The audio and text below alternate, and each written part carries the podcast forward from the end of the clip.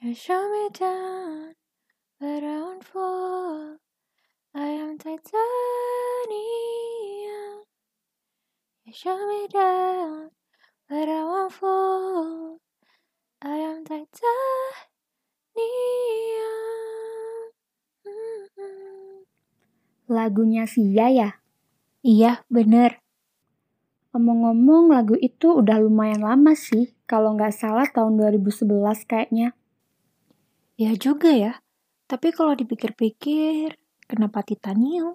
Kamu nggak tahu Mel, kalau titanium itu unsur yang unik dan istimewa. Widih, bahasa movie.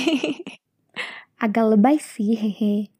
Tapi emang kamu nggak ngerti kalau titanium itu merupakan logam yang ringan, kuat, berkilau, dan tahan korosi. ah, iya.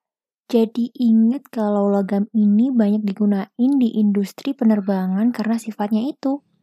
Logam alloy alias logam campuran yang mengandung titanium terkenal dengan kekuatannya yang tinggi. Selain itu, dia juga ringan dan punya ketahanan dari korosi yang baik. Meskipun kekuatannya yang sebaik baja, tapi titanium punya berat 40% lebih ringan. Titanium juga punya ketahanan yang baik terhadap kavitasi. Apaan tuh kavitasi? Itu loh Mel, suatu fenomena ketika terjadi perubahan tekanan yang ekstrim di sebuah zat cair. Perubahan tekanan yang drastis itu bisa menyebabkan terbentuknya gelembung udara di daerah yang bertekanan rendah. Tapi ketika gelembung itu mengenai daerah dengan tekanan yang lebih tinggi, dia akan kolaps dan memicu terbentuknya gelembung kejut yang bisa melemahkan permukaan logam di sekitarnya dari waktu ke waktu. Biasanya bisa ditemui di pompa. Ah, gitu. Ah iya, titanium ini tersebar luas dan menyusun 0,44% kerak bumi atau unsur kesembilan yang paling melimpah di bumi loh.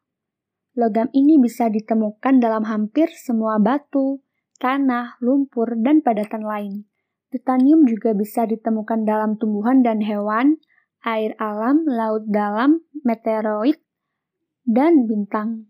Dua mineral utamanya adalah ilmenit dan rutil. Hmm, sama ini nih.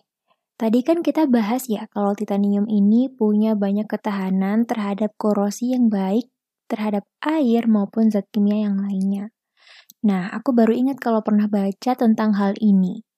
Ketahanan tersebut adalah hasil dari pembentukan lapisan tipis titanium dioksida yang terbentuk di permukaan, sehingga sangat sulit untuk material ini ditembus.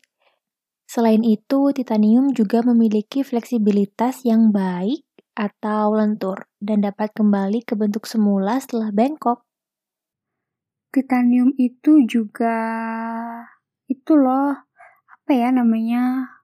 Hmm, ah, material non-magnetik dan biokompatibel alias non-toksik dan non-alergenik yang membuatnya dapat digunakan dengan baik di bidang kesehatan.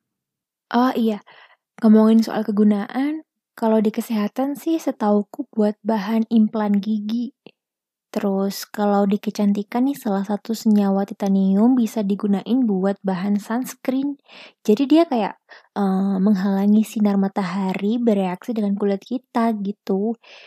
Uh, terus uh, dibuat bahan peluru kendali kalau nggak salah.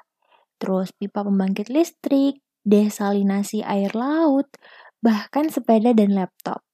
Sama ini nih. Tadi kan aku bilang titanium banyak digunain di industri penerbangan. Tapi nggak cuma penerbangan lokal atau internasional. Tapi juga antar planet, aka titanium ini digunain di industri luar angkasa. Wah, keren juga sih titanium ini. Jadi, konsumsi titanium itu 80% digunain buat industri luar angkasa. Sisanya yaitu 20% digunain di bidang-bidang lain, kayak pertahanan, kesehatan, dan barang-barang di sekitar kita lainnya. Jadi, mungkin orang-orang melambangkan dirinya sebagai titanium itu sebuah kiasan, bahwa kita bisa jadi tangguh dan tahan banting kayak si logam titanium ini. Iya, bener juga tuh, Vi. Um, jadi gimana kalau kita nyebut aku, kamu, dan Imas itu itu geng titanium. Kan keren gak tuh? Hmm, hmm, kayaknya enggak deh. Lah,